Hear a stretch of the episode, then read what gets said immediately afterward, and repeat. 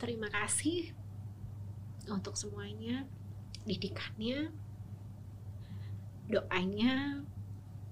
Karena saya juga udah pernah gitu kan. Hmm. untuk keluar dari lingkungan yang toksik gitu kan Uh, dan kita menemukan the true potential. Hmm. Kadang itu bisa dengan pasangan, kadang bisa dengan pekerjaan, kadang bisa lingkungan pertemanan kan banyak ya skupnya ya. Uh, tapi kita harus tahu di mana kita dihargai. Mbak Nila. Halo. Yeay. Ketemu lagi. Setelah berapa tahun ya? Wow, Sebelum pandemi. sebelum pandemi. Iya. Eh, tapi setelah pandemi udah banyak hal yang terjadi. Termasuk salah satunya eh, sebelum ketemu Mbak Nilam udah ketemu ininya dulu nih. Raffinya yang ada di Bursa Saham Indonesia. Amin. Yeay. Alhamdulillah. Alhamdulillah. Selamat ya. Terima kasih. 2022 katanya eh, ini tahunnya anjing. Oh, oke oke. Alhamdulillah. Tapi perjuangan menuju ke sana Yes. itu nggak mudah. Benar. Tapi pernah ngebayangin gak sih yang awalnya dari trotoar Hmm, hmm. bisa melantai di Bursa Efek Indonesia? Iya, jadi uh, to be honest, Mbak Mary kita ini sudah running 19 tahun. Hmm. Uh, saya tuh mulai bener-bener dengan gerobakan warna putih pinggir jalan. Kebayang aja enggak, boro-boro dulu hujan kehujanan, dikejar sama orang gila. Kadang dulu tuh pernah kalau ada orang gila lewat kan kadang ya namanya mereka nggak ini ya, Hmm. itu suka ngambilin roti. Wah, ketakutan. Kadang pun karena kita belum ngerti, oh ternyata sewa tempat itu harus uh, izin lokasi gitu ya Oh, walaupun pakai gerobak. sewa gitu Uh-uh. kan Eh, eh, kita kita cuma jualan di pinggir jalan diambil satpol pp gitu kan udah Oke. pernah ngalamin semua boro-boro yang namanya kita mikir IPO gitu ya bisa lepas dari gerobakan aja nggak Hmm. kepikir tapi ya alhamdulillah ternyata Tuhan tuh baik ya sesuai dengan prasangka hamba. Oke, apa pembelajaran uh, Hmm. terbesar sebenarnya Ya. dalam uh, proses dari trotoar menuju Hmm, Bursa bisa, Efek iya. hmm, Jakarta? pembelajaran terbesar adalah hmm, ketika kita merunning sebuah bisnis itu kan kita suka merasa bahwa karena kita yang membangun jadi kita mikirnya adalah oh oke aku yang ngerti semuanya Hmm. perusahaan ini mau dibawa mana aku juga Hmm. perusahaan ini nggak akan bisa jalan tanpa aku Hmm. biasanya pengusaha makin ini dong makin bangga ya makin Iya. bahagia ya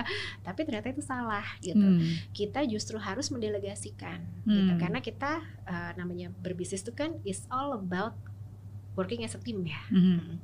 Nah, bagaimana tim kita bisa mensupport, bagaimana kita bisa mendelegasikan, bagaimana kita kita bisa bertumbuh sebagai sebuah tim itu yang saya rasa paling penting. Hmm. Dan alhamdulillah ternyata menempuh jalan yang benar gitu ya.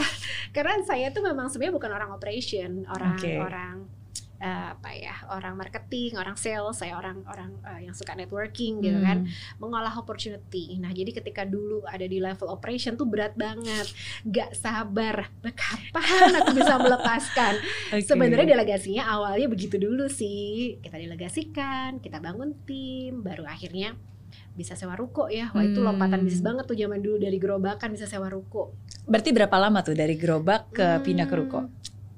Dua tahun. Oke. dua tahun karena itu pun kita juga udah mulai ada dapat uang besar karena kita mulai menjual peluang bisnis waktu itu ya Hmm. Uh, belum ngerti franchise tapi masih peluang bisnis saya jual gerobaknya saya jual bahan bakunya gitu kan alhamdulillah ada untung selisih untung Oke. nah itu dikumpul-kumpulin bisa sewa ruko nah sewa ruko ternyata kita bisa attract Hmm. talent-talent yang bagus Hmm. kalau saya dulu dari Surabaya talentnya dari UNER Oke. dari ITS gitu kan mau kalau kerja di, di apa UMKM kecil nggak mau dong maunya Iya. harus yang ada bentuk rukonya Jadi attract good talent dari situ Yes, kan. Oke. benar.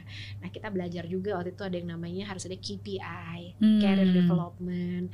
Walaupun kita itu apa gitu ya jualan gerobakan aja kok ruwet banget kan. Jadi kalau kalau teman-teman tuh dulu suka ngomong gitu, ya tapi nggak bisa gitu juga. Kita mimpinya besar. Iya. Itu sebenarnya berawal dari sakit hati sih. Saya dulu kan bisnis mulai 19 tahun, Hmm. tidak menyelesaikan kuliah. Oh, Sedangkan- jadi demi untuk berbisnis waktu itu Yes. kuliahnya nggak selesai. Karena kan kebetulan juga memulai keluarga muda ya. Jadi Iya. dihadapkan ada tiga nih pilihan. Keluarga, bisnis, satunya edukasi gitu Iya. kan. eh, ya udah mau nggak mau dua-duanya eh tiga-tiganya nggak bisa dipilih semua karena udah udah nggak masuk akal jamnya Mhm. dan kerjaannya jadi ya udah yang priority dulu keluarga Hmm. sama Bisnis. Bisnis. Mhm. tapi jangan salah saya juga akhirnya menyelesaikan S2 juga tapi walaupun nggak dapat nggak dapat ijazahnya ya kayak sertifikasi per subjek tapi Iya. edukasi itu sangat penting Oke.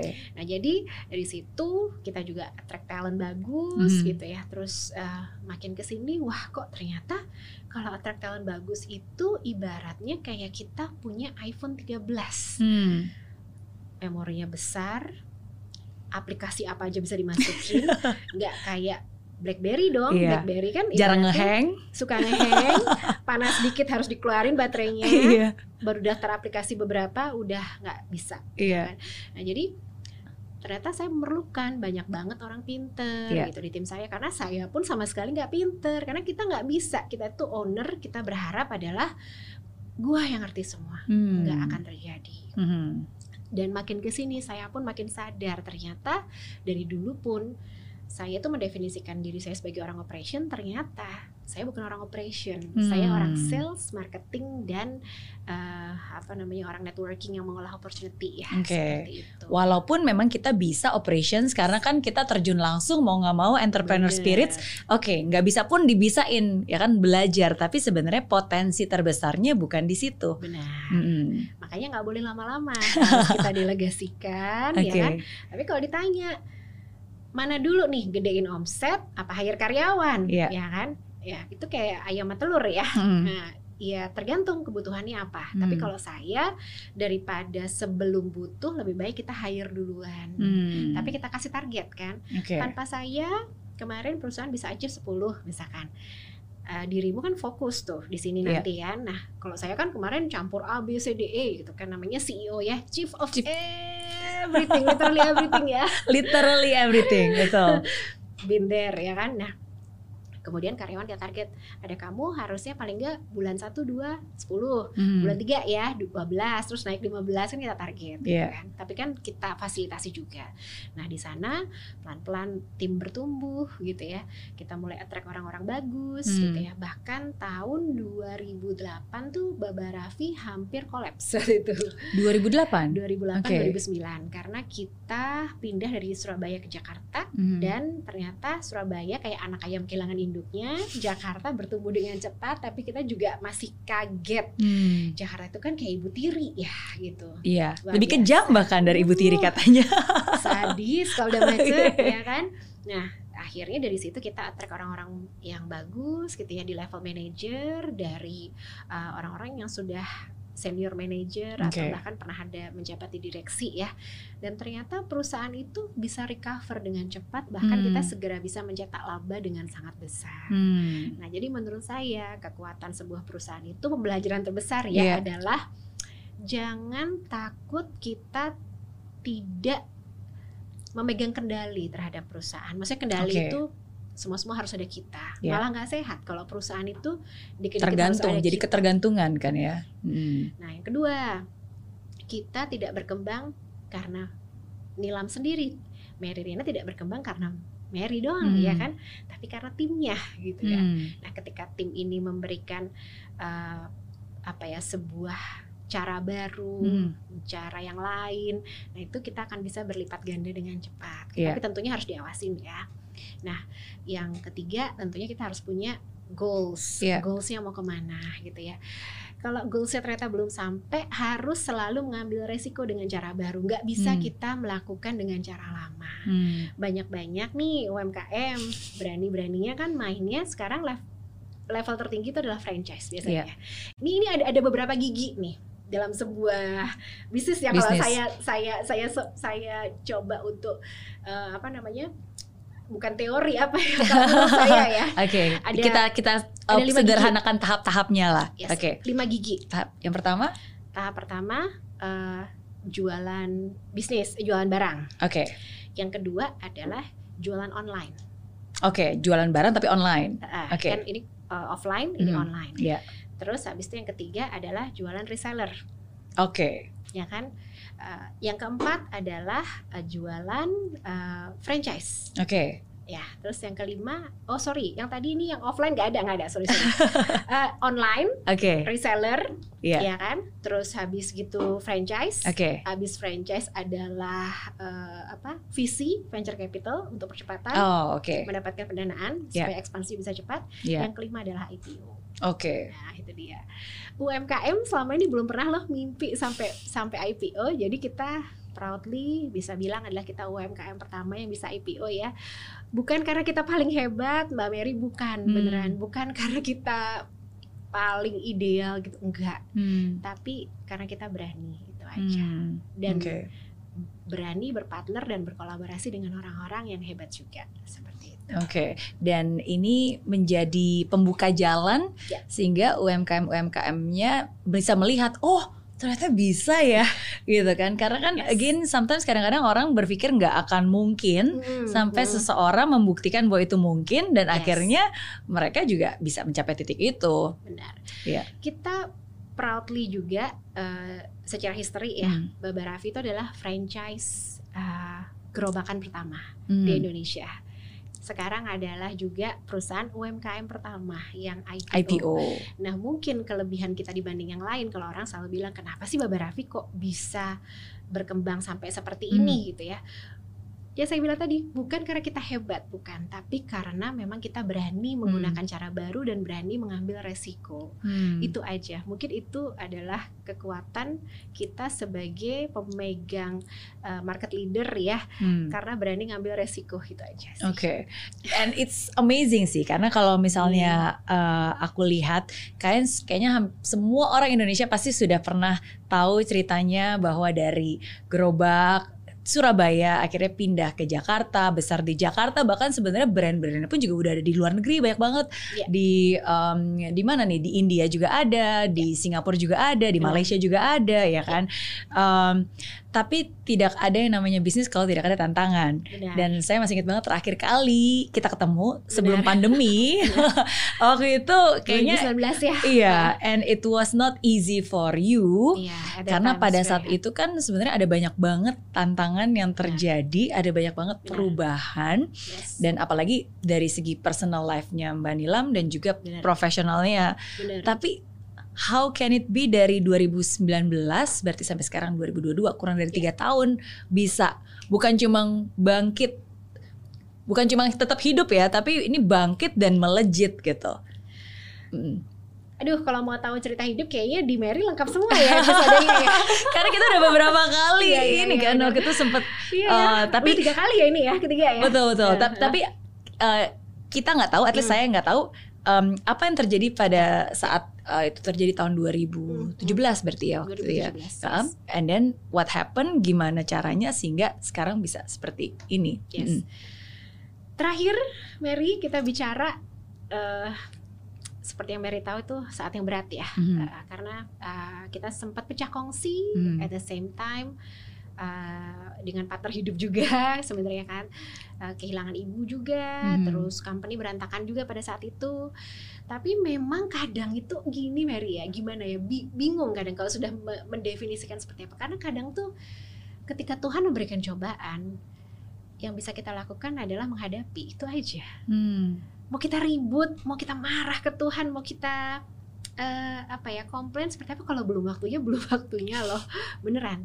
Be honest 2017 sampai 2019 saya melakukan apa pun itu tidak cukup banyak berarti. Hmm. Tapi at least waktu itu hutang perusahaan udah lumayan beres ya, Hmm. udah lumayan pelan-pelan satu-satu udah udah udah bisa dibilang ketika saya mau eh, apa berpartner dengan partner saya itu sudah sudah sehat, sudah Hmm. sehat. Eh, tapi tidak bisa bergerak banyak. Oke, tapi berarti Mm-mm. mungkin kita eh, runutin Mm. kronologikalnya dulu ya. Yes. Berarti kan eh, waktu itu sempat cerai dulu 2017. 2017, yes. Um, nah, tapi kan karena bangun bisnis usahanya Mm-mm. bersama, Bener. semua aset-asetnya dan juga brandnya Benar. kan juga bersama. Iya. Mm-mm. Nah, pada saat itu otomatis kita setuju, agree bahwa eh, PT Babaravi Indonesia harus ditutup. Mm. Yang kedua adalah saya harus membangun PT Sari Kreasi Boga dan Hmm. beliau membuat PT Babaravi Enterprise. Oke. Jadi ini adalah dua entity yang berbeda, tidak Hmm. ada urusan bisnis, tidak ada uh, legal urusan legal satu sama lain. Memang Hmm. sudah berbeda. kita membagi juga area uh, operation Mhm. dari Aceh sampai Jogja area saya Oke. Indonesia Barat dan juga untuk eh apa namanya beliau menghandle dari eh, Solo sampai Papua Oke. Kalimantan kita bagi area ya karena ada Kalimantan bawah ada Kalimantan atas Mhm. setelah itu pun kita juga ya sudah melakukan bisnis secara separate Mhm. merek bisa dipakai berdua Oke. dan itu semua sudah tertuang di dalam putusan hakim Mhm. jadi putusan tertinggi itu kan sebenarnya putusan hakim ya Iya. kita kuatkan dengan putusan hakim jadi supaya kuat.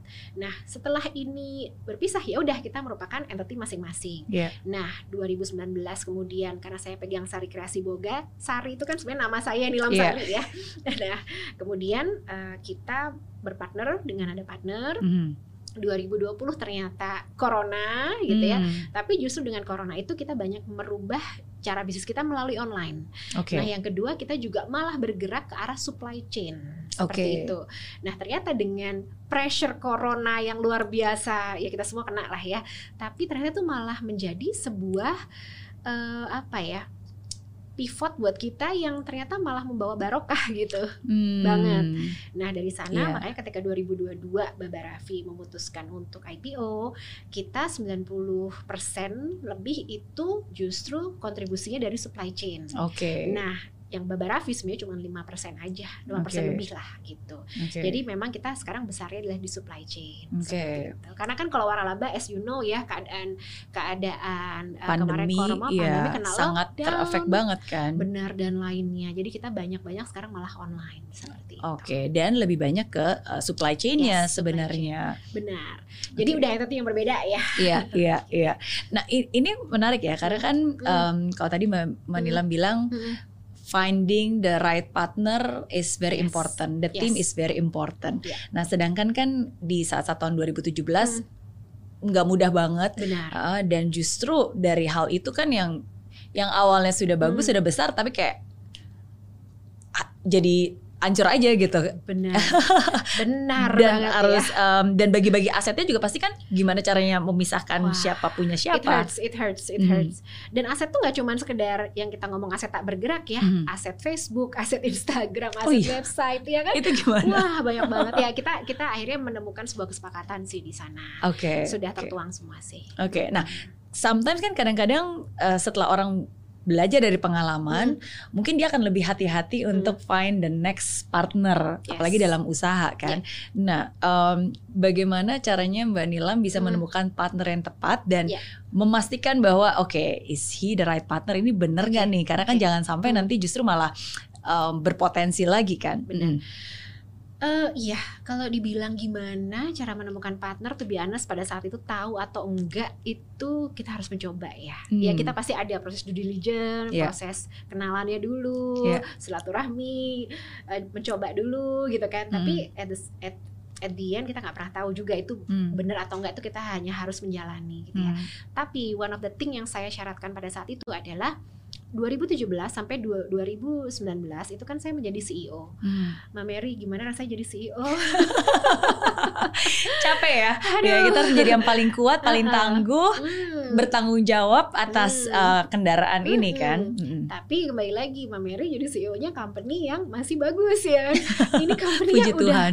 aduh kan pecah kongsi tuh Iya. waduh Mary membagi company menjadi dua tuh aduh Hmm. aduh aduh gimana itu itu itu ruwet banget ya tapi eh, yang saya syaratkan pada saat itu adalah ketika menjadi CEO and then I decide okay this is not for me this is Hmm. not who I am gitu kan jadi bener-bener tuh realize banget oke Hmm. ini bukan aku gitu ya Mm. dalam perjalanan sebenarnya banyak banget tuh orang yang oke kenapa aku mau jadi partnermu oke aku tertarik aku begini Iya. tapi akhirnya nggak jadi semua kenapa karena at the end mereka pasti jatuhnya ngelontor dana ya kan Hmm. kemudian mentarget kita kan kan kita menjanji Oke. kalau ada partner masuk Iya. otomatis kan harus ada bisnis proposal yang kita Iya, ajukan ada KPI yang harus bisa Yes. di-deliver kan. proyeksinya seperti apa Hmm. nah at the end uh, kita yang ditarget Hmm. di lock Nah pada saat itu kan saya sudah capek mental, capek capek mental, fisik dan lainnya ya. Hmm. Jadi at the end of the day ya saya ngomong saya nggak mau kalau saya yang menjadi CEO-nya. Justru ah, saya pengen anda yang ngelit this company. Apakah beresiko? Beresiko banget. Iya. Iya kan kita nggak pernah tahu orang itu siapa. Tapi ya gimana ya waktu itu udah Mary itu udah nafas aja nggak bisa Hmm. udah capek lahir batin mental tuh waktu kita ketemu 2019 kan saya udah kayak orang nyawanya ngawang gitu fisik sama nyawa di mana gitu nah itu udah capek banget jadi mungkin Tuhan tuh juga apa ya kalau emang belum ya belum aja nah pas Hmm. sudah ternyata ya itu menjadi jalan keluar terbaik Hmm. can you imagine dari kita tuh cuma tektokan tuh butuh cuma tiga bulan waktu due diligence yang sangat cepat loh itu Hmm. ya karena eh, ya mungkin emang itu udah saatnya gitu Iya, ya iya. dan ternyata eh, dari bulan sep, sep- eh sorry Agustus kita kenalan eh, November kita tanda tangan dan you know what 2020 corona jadi kayak can you imagine kalau saya nggak dapat partner tuh gimana gitu kan Iya. Nah, tapi timeline orang tuh kan berbeda Wow, ya, Mary ya. betul. Gitu. Ada orang yang timelinenya itu ya macam setiap orang punya timeline masing-masing. Iya, iya. Ketika banyak orang berat di masa corona, masa corona itu adalah masa saya justru untuk istirahat dan healing. Hmm. Saya posisi sebagai komisaris, saya mau istirahat dulu, ya ngawasin tapi kan nggak nggak terlalu ini ya. Hmm. Tiap hari saya naik gunung. Naik gunung tuh yang rasanya Literally kayak- naik gunung. literally naik gunung Wow. dan itu kayak melepas semua energi buruk, berusaha berdamai dengan Iya. diri sendiri. Tapi ya itu prosesnya. Jadi 2020 saya sama sekali tidak bekerja setahun. Kalau tadi dibilang apa ada sabbatical life, ini masih di rumah sih. Iya. Cuman Bisa kebayang sih sebelumnya kan mungkin kayak hampir 20 tahun kan ya running the company since 19 dari usia 19 tahun. Mm. Wow. dan itu benar-benar kayak istirahat setahun bener-bener ngemukin badan karena corona. Naik gunung nggak ngefek mah. Terus eh, 2022 oke kita baru. Oke mari kita siap lari lagi. Nah saya Oke. saya juga ngasih target. Ya mungkin karena Mary tahu kan saya backgroundnya adalah anak tunggal. Hmm. jadi sudah dididik oleh orang tua dari zaman dulu adalah ya kamu harus bisa berdiri di kakimu sendiri. Hmm. jadi at the end of the day ketika saya memutuskan untuk istirahat, istirahat juga harus ada timelinenya dan Hmm. habis itu harus lari lagi, ya kan? Hmm. 2022 ketika oke enough, Januari saya udah masuk di kantor dengan pakaian yang paling cantik yang yang saya punya gitu ya. Ayo kita mau perang apa lagi? Wow. Mari gitu. Bukan perang sih, maaf. Eh, mencari Mencari, mencari iya. opportunity. Ya, Iya, iya, sudah siap lagi. iya, gitu. iya. Oh, nggak nggak bisa ngebayangin, nggak pernah ngebayangin um, Mbak Nilam bener-bener naik gunung. Naik gunung, naik gunung. Um, tapi Iya. memang benar sih, sometimes kadang-kadang uh, kita harus bisa berdamai dengan diri kita sendiri, find peace. Karena kan um, saya nggak akan pernah bilang bahwa saya tahu apa yang Mbak Nilam rasakan karena hanya Mbak Hmm. Nilam sendirilah yang Hmm. pada saat itu benar-benar bisa merasakan karena um, just so many things kan dan bahkan Yes. tadi Mbak Nilam bilang anak tunggal se Hmm. sekuat-kuatnya dan semandirinya mandirinya anak tunggal tapi kalau di saat momen terendah harus kehilangan um, partner hidup perusahaan dan juga Ibu kehilangan ibu tercinta dan itu semua di saat yang sama. tahun yang sama Mm-mm. Mm-mm. kebanyakan orang udah ya udah give up aja terhadap hidup ini dalam arti ya. Tiga hal penting dalam hidup tuh semua kan family, wealth, Benar, benar. orang benar, tua benar. udah gone gitu kan. Wealthy Apa kalau lagi? nol masih mending Mary, minus, minus banyak. Jadi kayak ini dapat gono gini apa ya? Tapi itu cobaan sih. Saya percaya masih gini kadang ya. Hmm, ya orang itu roda pasti naik dan turun ya. Hmm. Itu tadi saya bilang berdamai dengan diri sendiri. Kita harus punya kemampuan untuk tahu batas kita di mana. Hmm. Kita harus punya kemampuan untuk menyembuhkan diri sendiri. Itu itu Hmm. berat loh. Dan itu bener-bener susah. nggak semua orang bisa bisa seperti itu ya Hmm. yang ketiga eh, ya itu tadi kita harus tahu kapan deadline untuk kita tenang Ya. eh, sembuh tapi kemudian lanjut lagi Hmm. seperti itu Oke. Dan tahu apa yang kita suka, apa yang kita bisa dan berani untuk berubah dan mengikuti apa yang yang benar-benar yang Mbak Nilam suka. Mungkin kalau di awalnya memang Yes. operation karena udah tercemplung di sana Iya, dan iya. karena bertahun-tahun berproses di sana akhirnya bisa, tapi kan sebenarnya that's not the true potential of Mbak Nilam Sari. Iya. Mm-mm. Tapi memang mungkin Nilam Sari atau Mary Riana yang sekarang ada di sini itu kan memang hasil proses yang sudah kita lalui ya. Iya. 19 tahun in the industry. Iya. Uh, Nilam yang sekarang hadir di sini ya melalui semua tempaan ini tadi dengan segala ups and down-nya. Seperti itu. Mm-mm. Kalau dibilang bisa nggak sih ngelaluin itu lagi belum tentu, Hmm. belum tentu. Tapi tapi paling nggak uh, apa ya Nilam yang sekarang dengan akhirnya I found who I am right Hmm. now itu tentunya setelah melalui semua proses. Iya. Zaman dulu kan jadi CEO kayaknya keren ya gitu. Kerennya di kartu nama sih gitu kan.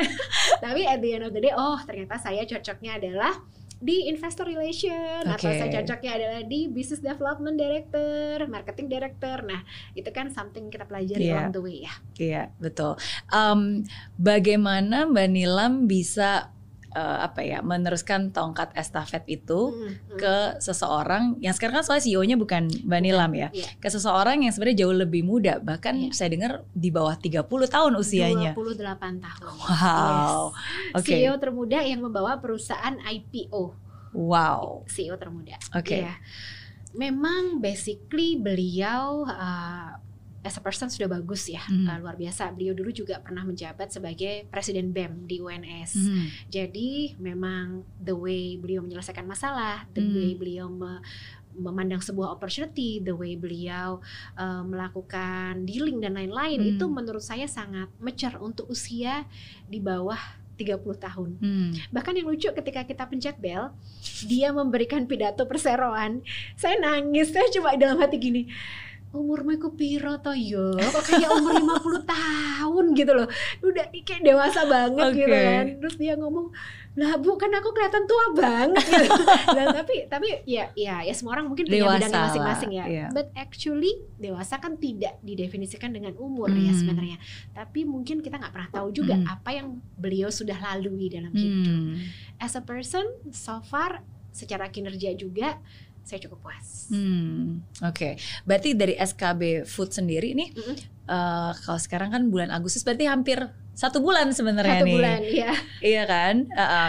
Em, gimana? Apa apa saja yang sekarang menjadi plan dan rencana? Karena kan Iya, sebenarnya iya. Animo dari masyarakat juga luar biasa banget nih di hari Benar, pertama aja benar. juga oversubscribe dan bahkan uh, bukan hanya itu aja ya auto maksudnya. reject detik pertama kita, auto reject detik pertama. Oke. Keluaran kita naik sampai hampir 14 ribu kali. Alhamdulillah. Iya. alhamdulillah. Allah baik sih, Allah baik, Allah baik. Hmm. Terlepas dari semua Allah baik. Dan banyak juga apresiasi-apresiasi dari bahkan para Iya. petinggi-petinggi di Indonesia yang Yes. maksudnya we all celebrate that success karena kan menjadi contoh Iya. awal nih buat UMKM UMKM-nya juga ikut bergerak. Benar. Mm-mm. Jadi memang yang namanya Baba Raffi ini merupakan contoh UMKM yang pertama kali Hmm. untuk going IPO kan Hmm. dari lantai trotoar ke lantai bursa Iya. ya kan dari gerobakan ke IPO itu Iya. tagline yang selalu kita dengungkan ya kan Hmm. nah jadi ketika kita juga mendengungkan suatu big ideas dan kita menjadi pendobrak Mhm. banyak sekali menteri petinggi-petinggi yang kemudian mengapresiasi termasuk terima kasih kemarin ucapannya Hmm. Oh, loh ya Allah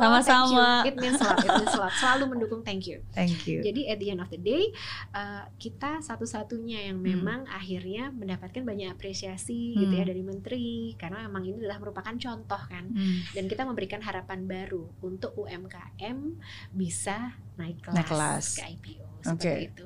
Jadi uh, sampai kemarin pun kita juga alhamdulillah bisa pencet tombol offline menjadi Ah. emiten ke 800 padahal uh, apa namanya baik sebelumnya kan pada off, off eh, online semua kan Hmm, online jadi hmm. kita datang ke bursa kita bisa pencet online plus juga Pak Menteri datang Hmm. gitu kan dan itu juga dikasih tahu baru bisa pencet online Hamin dua setengah Oke. Mary. ya Allah itu kayak IO aja nggak ada yang mau handle. Terus eh, lagi juga Menteri Alhamdulillah bisa datang ya plus apa ya eh, at the end sebenarnya kita semua itu itu merupakan sebuah celebration. Celebration di mana UMKM benar-benar bisa menembus dan mendobrak sebuah mimpi dan eh, bukti nyata bahwa pemerintah ketika mendukung UMKM UMKM kalau selama emang ada mau dan dan dan benar-benar menginvestasikan Hmm. ya untuk ke arah sana bisa. ada jalannya Yes. ya tapi mungkin seperti kata tadi Mbak Dilam Hmm. bilang ya kan semua ada ada stepsnya Benar. ada eh, langkah-langkahnya juga atau kalau ibaratnya mobil tadi ada giginya Benar. ya kan nggak bisa langsung loncat juga bisa, Mm-mm. benar. Iya. Gigi satu, dua, tiga, empat, lima tadi. Nah, menuju sana. Oke. Ya. Tapi memang at the end of the day, maksudnya eh, pemerintah pun juga menggiatkan kan UMKM supaya eh, dan perusahaan-perusahaan gak cuma Hmm. UMKM sih sebenarnya untuk going public gitu. Jadi Hmm. supaya manfaatnya bisa dinikmati juga oleh publik gitu Oke. ya. Dan eh, tapi terutama kalau kalau menurut kami eh, ini merupakan celebration untuk UMKM bisa bermimpi sampai Hmm. sejauh mana. Hmm. Tadi mau saya tambahin Mbak Mary, Boleh. kalau tadi kan Baba Raffi UMKM pertama yang bisa uh, go franchise gerobakan. Iya. Yang kedua tadi ditambahin Miss Mary UMKM yang pertama bisa keluar negeri. Oh. Iya kan baru kita. Oh iya. Uh-uh. Iya iya iya. Terus yang Wow. ketiga UMKM pertama yang uh, IPO. Jadi at the end of the day sebenarnya Baba Raffi ini kita Iya. Punya visi misi ya dan ini baru saya baca lagi loh saya merinding baruan Heeh. saya baca lagi Baba Raffi itu kita punya visi misi bahwa kita pengen menjadi perusahaan makanan yang paling profitable dan berpengaruh. Hmm. Nah kata berpengaruh ini memang dari dulu Baba Raffi ini pendobrak market Iya. yang paling rebel dalam tanda bagus ya, maksudnya Iya. kita mencoba Berani untuk tadi mendobrak mencoba market yang sesuatu yang dengan baru. segala resikonya Iya. seperti itu. Oke. Em, berarti total dari sejak usia 19 tahun Mm-mm. sampai sekarang berarti kan udah lebih dari 20 tahun ya menjaga brand. Mm, Brand itu kan aset sebenarnya, Benar, tapi sesuatu yang baik kalau nggak dijaga dengan baik benar, bisa menjadi pedang bermata dua. benar Ya. sekali. Agree. Bagaimana caranya Mbak Nilam bisa menjaga brand tersebut? Eh, apalagi di tengah-tengah kan sempat ada ya insiden Iya, ya di mana iya, itu kan iya. em, apa ya sesuatu hal yang yang sebenarnya tidak baik di publik masyarakat kan Benar. dengan ada perpisahan eh, apa perpecahan Benar, gitu. benar. Mm-mm. Eh, satu lagi yang kita pelajari juga adalah menjaga brand itu penting. Mhm. pasti Mhm. penting. Eh, tapi menjaga brand dan kemudian di jalan tidak mengalami sebuah challenge atau masalah itu hampir tidak mungkin. Hmm, At the end kita pasti akan kena challenge atau masalah. Oke. Cuman at the end of the day bagaimana kita pada saat krisis itu juga bisa menanggulangi dan menghandle uh, bad publicity tersebut. Mhm. Bad publicity is not always bad kok kadang-kadang. Karena Oke. saya ba- basicnya adalah orang uh, komunikasi ya Iya. dulu kuliah walaupun udah selesai gitu Iya. lumayan lah dulu Iya. Tapi pengaruh nggak sih sebenarnya di saat-saat eh, ya pada saat itu ada Hmm. ada perpecahan, ada pertengkaran, ada. oh pengaruh sekali Mm-mm. pengaruh sekali pengaruh banget Oke. tapi at the end of the day maksudnya bagaimana pembuktian kita after itu kan Hmm, ah itu yang paling penting Oke. jadi kadang kalau kita melakukan suatu kesalahan orang akan lupa dengan semua achievement kita Ya. hal baik yang sudah kita lakukan ya kan kayaknya buruk tapi ya udah nggak apa-apa kita nggak Ya. akan bisa merubah judgement orang kok Ya. kita terima aja tapi kita buktikan after itu Hmm, siapa kita sebenarnya, bagaimana potensi kita dan Hmm. hasil aja yang berbicara. Oke. Sama halnya ketika kita IPO, Mbak Mary, Iya. to be honest, nggak semua orang merespon baik, nggak semua orang Hmm, uh, di media. Tapi ya udah kan kita nggak bisa menghandle Iya. juga ya omongan orang, pendapat orang seperti apa. Iya. Ya udah ke tim dan uh, apa namanya kita juga yang selalu kita dengungkan adalah nggak apa-apa kita buktikan aja uh, dengan hasil kerja kita. Iya. Udah. Abis kita mau membela diri mau apa juga ya kan? Enggak bukan aku nggak begini harusnya begitu nggak bisa juga. Ya udah kita Oke. buktikan aja. Oke, ya karena ya mau seberapa banyak pun kita em, memberikan penjelasan kepada orang yang memang nggak akan pernah bisa Hmm. mendengarkan, Hmm. ya nggak akan pernah berakhir juga gitu. Mm-mm. Dan kemarin tuh juga lucu sih banyak banget orang komentar-komentar yang agak negatif. Wah itu menyakitkan ya. Mhm. Tapi tapi pikir saya gini, pikir saya ya. Ini kan sama aja kayak komentator bola. Iya kan? Kalau komen, wah harusnya ke kiri, harusnya apa? Itu kan offside, harusnya apa? Wah, udah segala macam Iya, kan. iya. Tapi at the end of the day memang bisa main bola, Iya, belum tentu kan. iya. Jago banget gitu. Kalau kalau komen mah jago, semua orang Hmm. jago. Bahkan Apa apa komentar terpedas atau yang ya banyak lah. Dibaca aja di Google Oh sendiri. gitu. Cuman ya Oke. udah gitu Iya, kita iya. yang nggak apa-apa. Dari dulu nggak sebenarnya nggak cuman ketika IPO Betul, ya, sebelum IPO uh, even kita baru divorce baru pecah kongsi dan lainnya tuh banyak tapi Hmm. gak apa-apa ya udah kita buktikan aja Ya. dan satu isu lagi sebenarnya yang saya tuh kadang agak ngenes di Mhm. Indonesia Mhm. kita mungkin eh, ada di lingkungan yang eh, alhamdulillahnya ya alpha female tuh diterima di Ah. masyarakat ya Oke. tapi eh, ketika something happen Indonesia ini ternyata sangat judgmental masih Hmm. dan justru yang paling banyak mengkritisi perempuan adalah perempuan itu sendiri Hmm. in terms of kita saling mensupport banyak juga yang akhirnya makin menjegal gitu kan Oke. nah ini ini sesuatu yang kadang menurut saya harusnya sudah ada equal, equal Iya. kualitas ya dalam bagaimana kita menjalankan sebuah potensi bisnis. Kita juga harus equal memberikan kesempatan gitu Iya. kan. Dan juga eh, kayak contohnya di politik aja deh, perempuan juga masih belum banyak. Kuota berapa persen kemarin tuh belum nyampe juga Iya. kan. Nah, sama di bisnis juga. Mungkin kelihatannya banyak karena saya sama Mary berteman, tapi kan belum tentu juga di luar sana ya gitu. Iya. Eh, jadi ini ini baru saya saya sadari adalah ketika saya eh, pecah kongsi banyak banget orang yang judgmental gitu Hmm. ketika melihat saya merunning perusahaan yang baru Hmm. memberikan banyak judge tanpa even tahu saya siapa bagaimana dan lainnya Oke. Eh, Maksudnya apa? Mereka menganggap bahwa ah ini nggak akan bisa lah. perempuan nggak akan bisa Hmm. perempuan bisa apa sih Iya. dan itu yang ngejudge banyak perempuan sendiri loh Iya. malah justru gitu nah justru Hmm. eh, kalau laki-laki ya dianggap biasa Hmm. laki-laki kerja keras ya emang tugasnya dia Iya. laki-laki emosional itu tegas Iya. laki-laki eh, salah ngambil langkah ya nggak apa-apa part of resiko Iya. tapi ketika eh, apa namanya perempuan emosional tuh kan emosional Iya. gitu Terlalu bawa perasaan. perasaan lagi Hmm. mau periodnya gitu kan selalu begitu kan Iya, iya. Atau kalau enggak laki-laki eh, eh apa perempuan salah ambil langkah tuh kan nggak pengalaman gitu Mhm. kalau enggak ngerti apa Hmm. Atau kalau kita dominan nggak bisa diatur nih pasti. Nggak bisa diatur. bener padahal sebenarnya kita melihat aja based on scope pekerjaan dan Oke. profesionalitas ya gitu. Mm-mm. tapi itu tadi Mary kembali lagi kita mau mengelak mau Ya. ngomong apa pun nggak akan ngefek juga kan Iya. ya udah kita hadepin aja oke eh, diterima aja Iya. Kita buktikan dengan hasil Dah, Iya. itu aja. Ya, itu setuju banget. Mhm. Daripada meluangkan waktu Mhm. untuk membalas komentar dan memikirkan menjawab seperti apa, mendingan luangkan waktu ya untuk bikin karya dan ya go for the next one, ya kan? Setuju, setuju, Mm. setuju. Dan setuju banget kok tadi Mbak Nilam bilang bagaikan kayak komentator bola Hmm. gitu. Saya selalu saya selalu membayangkan sama aja kayak lagi pertandingan tinju, ya kan? Mau orang komentar asalkan dia masih di luar ruang ring tinju, Hmm. saya akan lebih appreciate orang yang berani masuk ke dalam ring tinju itu dan ya bertarung gitu. Yang di luar kan cuma bisa komentar doang, tapi Benar. kan yang yang menghadapi pukulan dan tantangannya kan yang berada di ruang tinju itu Benar. gitu. kita Mm-mm. tidak ada di sepatunya mereka ya jadi kita tidak bisa tahu keadaan sebenarnya Iya, iya. Oke. Wow, but you are truly um, tough woman. thank you kan disupport Mbak Mary juga selalu thank you thank you so much thank you, so Thank much. you, thank you.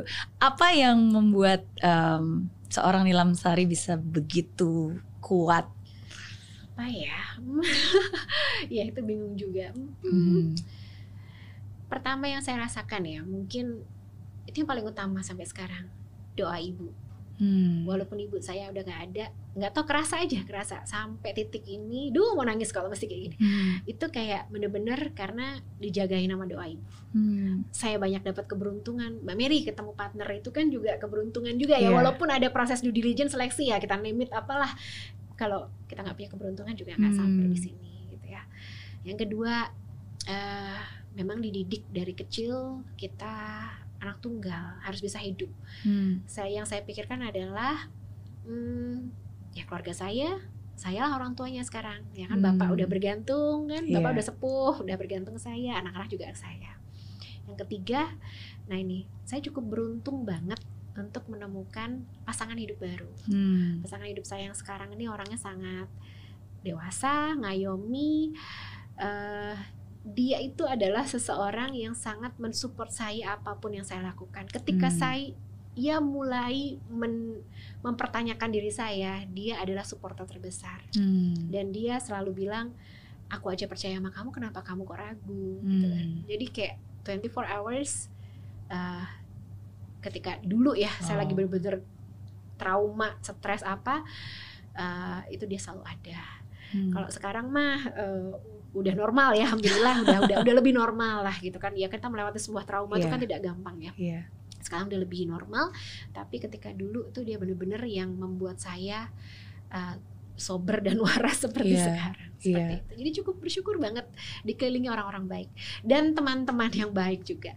Banyak teman-teman yang eh, mulai dibuka tabirnya gitu kan. Kan Hmm. banyak juga nggak semua orang punya intensi bagus ke kita kan Iya. satu-satu dibuka ya udah nggak apa-apa nggak usah sakit hati tapi kan kita tahu oh ya udah yang ini berarti harus kita lepas cukup kenal aja Iya. bukan berarti musuhan tapi yang baik-baik ini berarti menjadi inner circle kita seperti Hmm. itu Iya, ya in, in every crisis ya memang itu adalah waktunya untuk pembersihan, Bener. waktunya untuk perubahan, Bener. waktunya untuk kita ya apa ya find the real true Hmm. about ourselves, the real true about ya, our friends, ya Bener. basically yaitu waktunya untuk uh, memisahkan lah yang Benar. mana yang yang memang sengaja dipisahkan oleh kehidupan, yang Hmm. mana yang memang benar-benar tetap stay. Berarti Mm-mm. sudah pernah ngalami juga ya ya sama lah ya kurang lebih hidup Iya. biasanya begitu Iya ya iya pernah mengalami krisis lah kalau Nah, kalau kita selama kita masih di atas tanah kita pasti akan selalu mengalami pasti, krisis. pasti. Benar. Satu-satunya kita nggak mengalami krisis ya ketika kita sudah di bawah tanah Benar alias sudah nggak hidup lagi sebenarnya. benar, bener nggak? benar banget ya iya iya.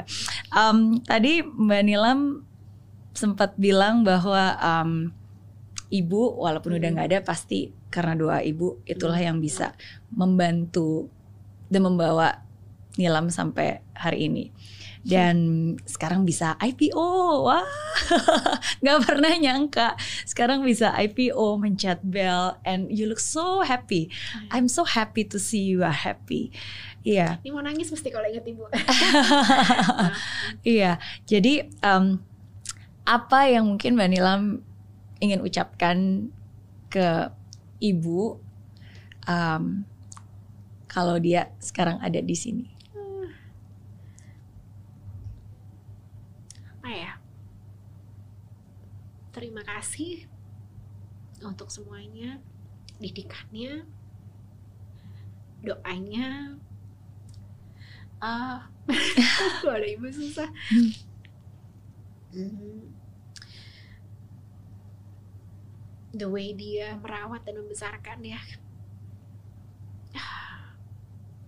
bahkan dalam masa krisis dia ah,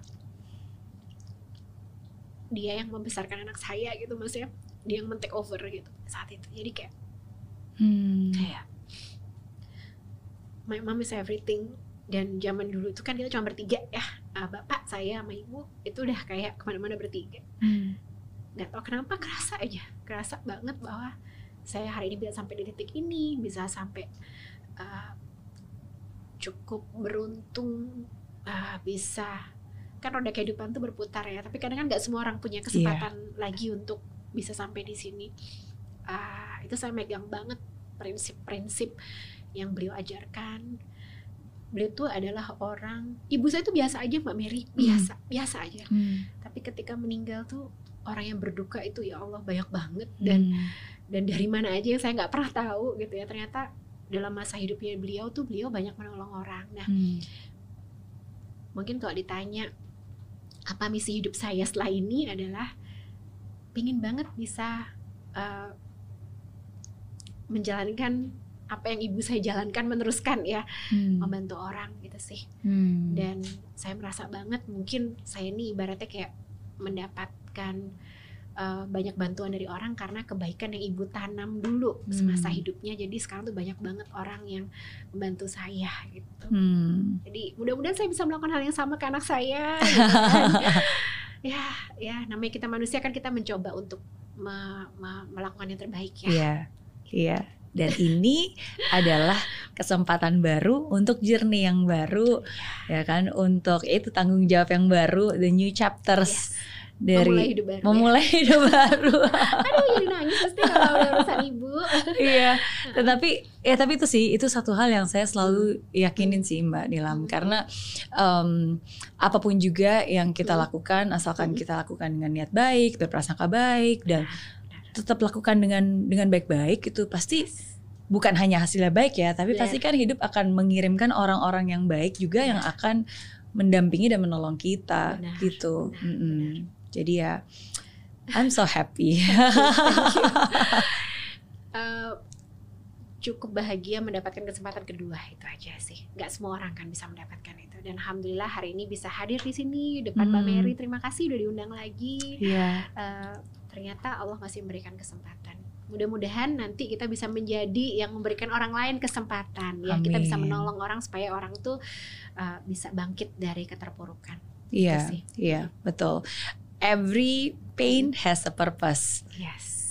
Setiap duka, setiap luka Benar. itu pasti selalu membawa makna. Makna. Nah, jadi untuk Mbak Nilam sendiri nih makna terbesar apa Iya. yang Mbak Nilam dapat sehingga mungkin para wanita di luar sana mungkin pasti ada juga mengalami masa-masa yang yang sulit yang mungkin Benar, kayak benar. ya itu sih kalau Mbak Nilam bilang mempertanyakan diri sendiri itu pasti akan menjadi pertanyaan banyak wanita ke terhadap dirinya kan benar, benar. ya benar. what's wrong with me apakah ini salah saya apakah saya bisa ini Iya. kenapa gitu Iya Mm-mm. benar-benar.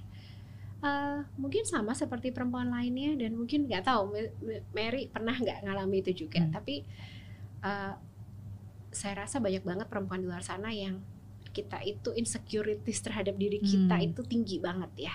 Eh, bagus sih kalau kita mempertanyakan diri sendiri berarti kan kita cukup bisa berkaca ya. Tapi Hmm. at the end of the day kalau nggak balance wah ini bahaya nih kita yang justru menyerang diri kita sendiri Ya. padahal harusnya kita kita bisa mendobrak market ini malah kenapa kita malah nyerang diri kita sendiri jadi Ya. udah kalah dulu sebelum berperang gitu kan Iya. nah mungkin buat perempuan di luar sana you need to believe in yourself gitu. Hmm. kita semua punya potensi punya potensi bahwa uh, Nilam atau Mary itu bukan cuman sekedar istrinya siapa yang menjadi Hmm. akhirnya namanya bu siapa gitu Hmm. ya tapi kita ini punya nama dari Hmm. bapak kita yang dan ibu kita yang melahirkan kita jadi kita harus Hmm. believe bahwa Mary atau Nilam tuh punya punya potensi Hmm. punya keberadaan punya eksistensi punya achievement Hmm. punya kerja Hmm. gitu ya. itu yang harus kita pahami dulu dan yang kedua kita bukan cuman sekedar perempuan yang berhak untuk hidup ya dan Iya. kemudian nanti akan menjadi istrinya siapa atau ibunya siapa tapi at the end of the day kita harus tahu bigger purpose kita apa Hmm. Eh, banyak-banyak eh, sekarang di Indonesia eh, kadang kita memikirkan bahwa mengurus keluarga itu sudah gitu ya Hmm. nggak ada masalah nggak ada masalah Hmm. kalau emang itu menjadi tujuannya kan tapi kembali lagi saya nggak bisa ngejudge karena uh, setiap orang kan keadaannya berbeda ya Ya. Mbak Mary kita nggak bisa juga tapi saya jadi ibu rumah tangga tapi kita mungkin nggak tahu keadaannya seperti apa Ya.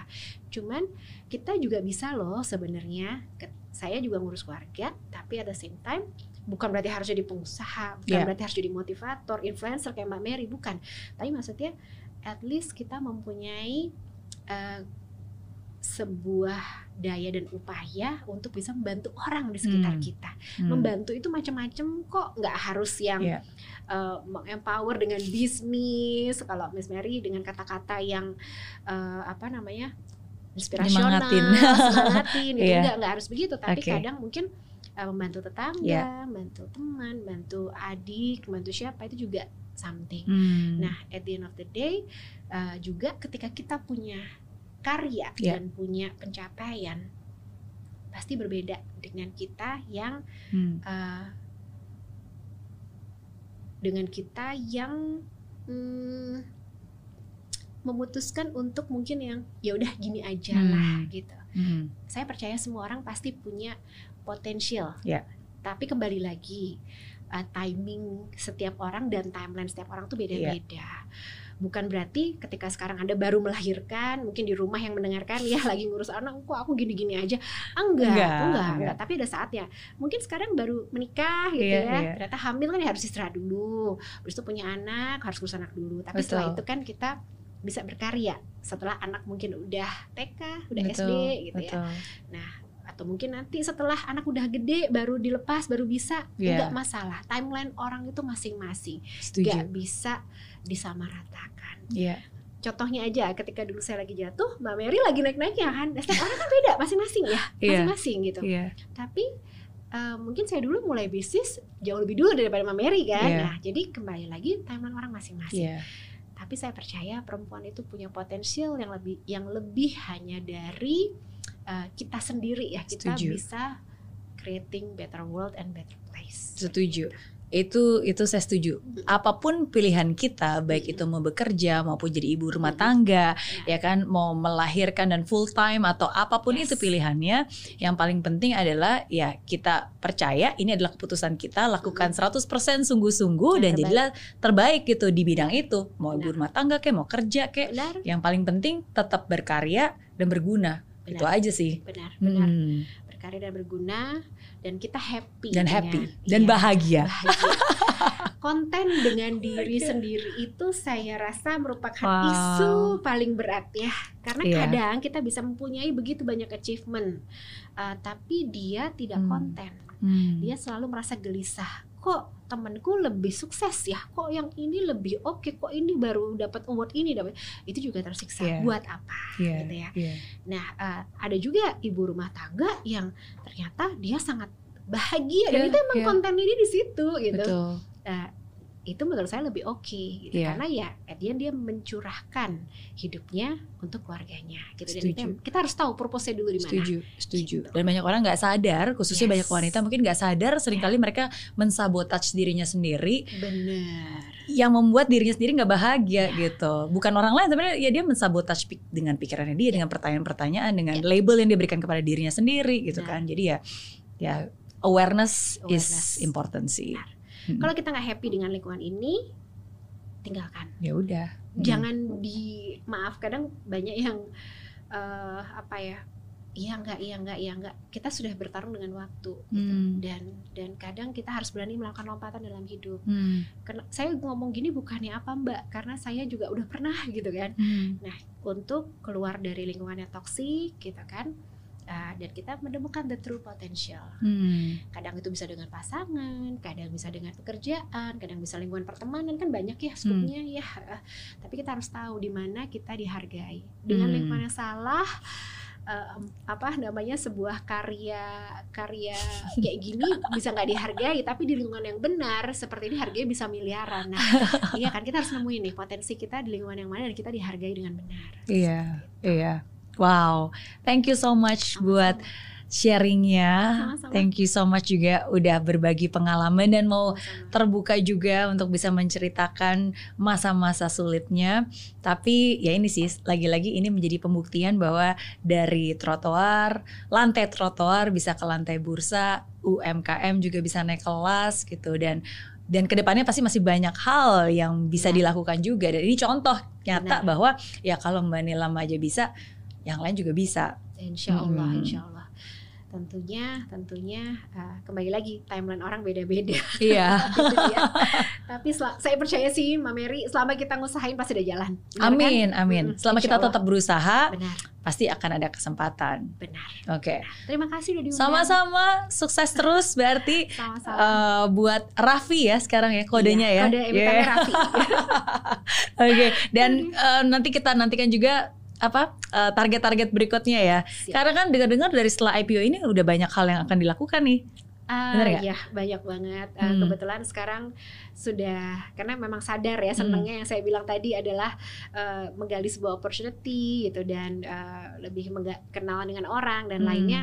Dan saya senang di bidang education juga. Jadi sekarang ada konsultan untuk di franchise gitu Oke. ya. Terus juga ada beberapa bisnis lain, tapi uh, at the same time kita juga lagi mulai masuk ke konsultan IPO seperti Oke, itu. oke. Yes, Ya, dan istilah sendiri juga terus berkembang. berkembang, Hmm. berkembang. Kan sudah ada tim yang profesional di sana ya. alhamdulillah, alhamdulillah sih so far so good ya. Alhamdulillah, alhamdulillah. Mudah-mudahan, mudah-mudahan kita bisa terus membawa uh, amanah yang memang sudah diberikan ke kita. Terima kasih supportnya. Sama-sama. Terima kasih uh, eh, doanya dan lainnya. Jadi kayak aduh ini bener-bener seperti, masih seperti mimpi sih. Terima kasih banyak. Mimpi yang menjadi nyata Amin. dan Amin. akhirnya membuka jalan bagi orang-orang di sekitarnya. Terima kasih. Amin. Amin. Thank you sekali lagi. Sama-sama. Sukses terus buat Mbak Nilam. Sama-sama. Salam buat anak-anak juga di rumah. Siap. Sama-sama. Salam juga buat keluarga. Yes, Ya. thank you. Sama-sama.